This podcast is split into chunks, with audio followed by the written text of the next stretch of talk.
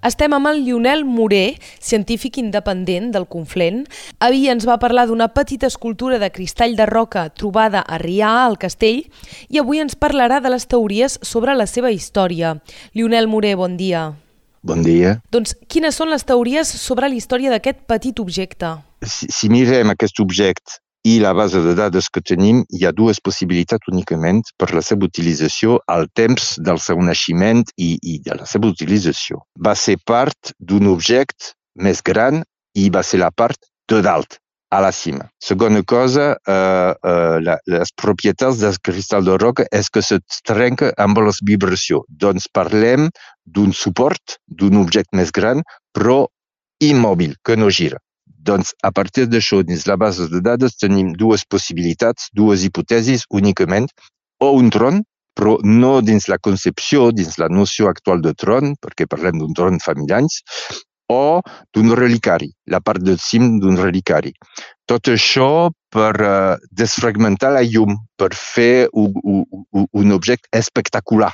Doncs uh, la major part dels científics artistes que van treballar amb jo mateix sobre aquest cristall de roca diuen que és un tron. L'única cosa que tenim d'aquest temps és el tron més antic del món dins la concepció actual del tron, dic bé, és a dir, el tron dit de Dagobert, que avui mateix està conservat a la Biblioteca Nacional de França i únicament els uh, científics que poden visitar-ho o mirar-ho, a l'excepció del dia anual europeu del patrimoni on tot és obert.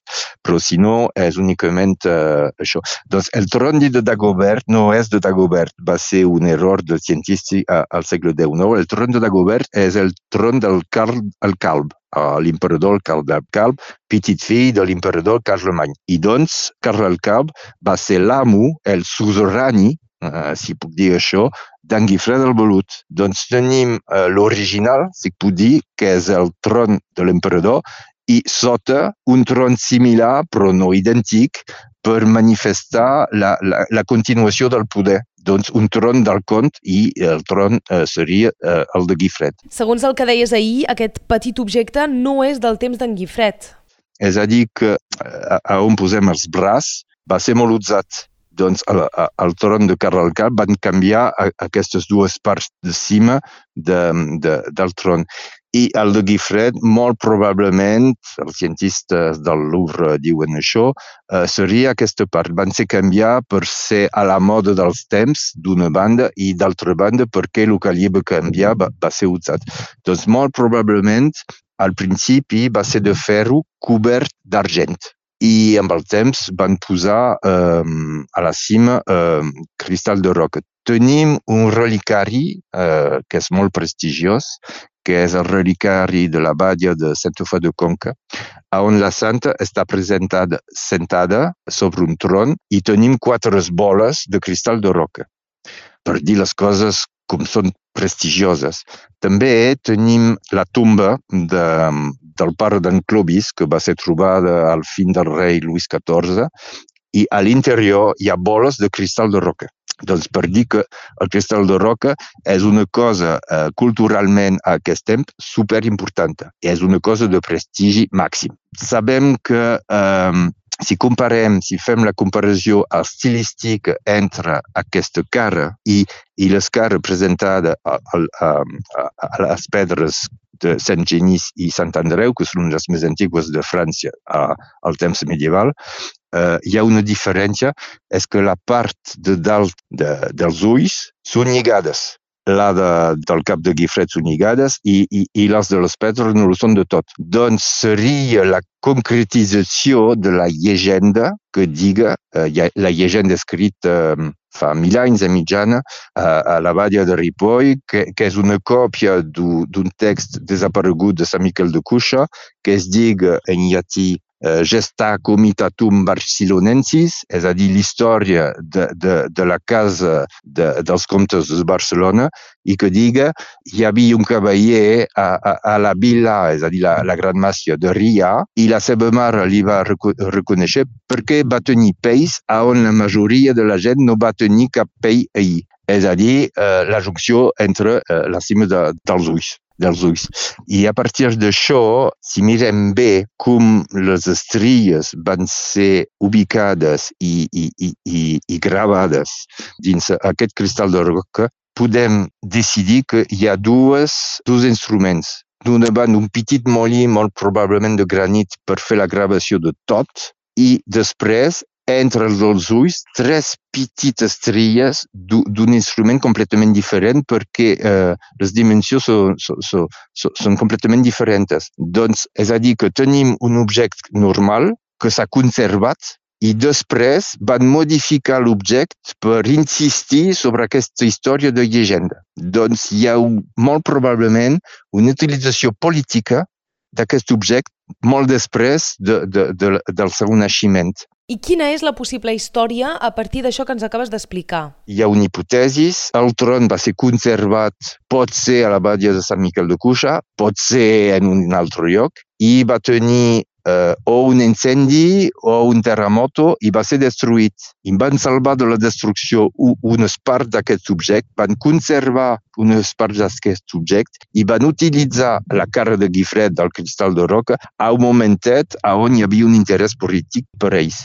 I tenim un arxiu als arxivis departamentals, és a dir, Gran Comarca de, dels Pirineus Orientals, eh, d'una lliuta entre la balla de Sant Miquel de Cuixa, poc després de l'anexió i Versalles, una lluita de 150 anys, eh, mitjan, és a dir, a llarg temps, entre doncs, Versalles i la Valla, i probablement van posar la cara de Guifred, eh, el cristal de roc, dins el castell per motius polítics. I no va funcionar perquè van trobar aquest objecte en 1993. Eh, és un veí, en Michel Justafré, que va trobar això. No podem dir eh, moltes coses a propòs d'aquest objecte, però de manera certesa va ser modificat. Estilísticament és eh, Sant Genís Sant Andreu, les pedres de Sant Genís i Sant Andreu. Va ser part del tron del tron de Guifred perquè representa Guifred i la majoria dels cientistes diuen que no és un relicari, una part del relicari, però una part del tron, eh, i va ser utilitzat eh, per motius polítics. I doncs, a banda d'això, no se sap res més? Les recerques no poden anar més enllà, a l'excepció d'un dia on potser algú trobarà un objecte d'aquest temps en cristal de roca, però de moment és únic i, i no podem anar més, més enllà. Vaig parlar amb el conservador en cap de la tapisseria de Bayeux. La tapisseria de Bayeux és un objecte únic també que data de 1606 i doncs Eh, la cara de, de de 1022, doncs és bastant prop i té el mateix problema. Eh, la tapisseria de Bayeux és l'origen de l'actual corona britànica i té el, el mateix problema perquè no hi ha res per fer la comparació amb una altra cosa. Eh, la cosa que ens va trobar curiós és que tenim una estrella entre cada ull i la boca de, de la cara Eh, sobre el del Guifred tenim la mateixa cosa, la mateixa representació dins les pedres de Sant Geniu Sant André, però no trobem res dins la tapisseria de Bayeux, que és immensa. Doncs no podem anar més enllà, ho sento, però és així. Um, concretament, el valor d'aquesta escultura de cristall, quin seria? Inestimable, impossible. Únicament els més grans museus del món o els estats més potents de la planeta poden comprar això. És impossible. Perquè és únic i és un tron. Doncs parlem de pff, centenes de milions d'euros, coses així, és a dir, que jo no conec dins tota la meva vida algú que té aquesta, aquesta pasta i crec que tothom és així. És a dir, no únicament els estats poden, poden comprar o adquirir uh, aquest objecte. I ara que s'acaba l'exposició a Cluny, el cristall on t'anirà? Doncs uh, estem, um, estem en estat de negociació entre l'Ajuntament de, de Ria, que és propietari completament a 100% de, de i els servicis del departament, eh, la gran comarca, que se cuiden d'això. Hi ha unes possibilitats. Hi ha també la genderia i jo mateix que ens agradaria que seria dins un museu en lloc de la caixa, les caixes fortes del departament. Un museu no important perquè pensem que si un museu important com Cluny o com el Louvre eh, hi ha tantes guapes coses precioses, eh, rares, que al mig no se ve, no se podria eh, mirar. Doncs pensem, per exemple, un museu no petit, però no gran també, com per exemple el Museu de Perpinyà, Rigó, o pot ser el MNAC a Barcelona, o un museu català bastant prop, que la gent d'aquí poguessi anar a visitar i, i d'altra banda que seria en seguretat i que, tenia tota la, que podria tenir tota la seva valor cultural. Però de moment està negociant, doncs no sabem el que s'ha de fer i com passaran les coses. Lionel Moré, moltes gràcies. Moltes gràcies a vostè, que vagi bé.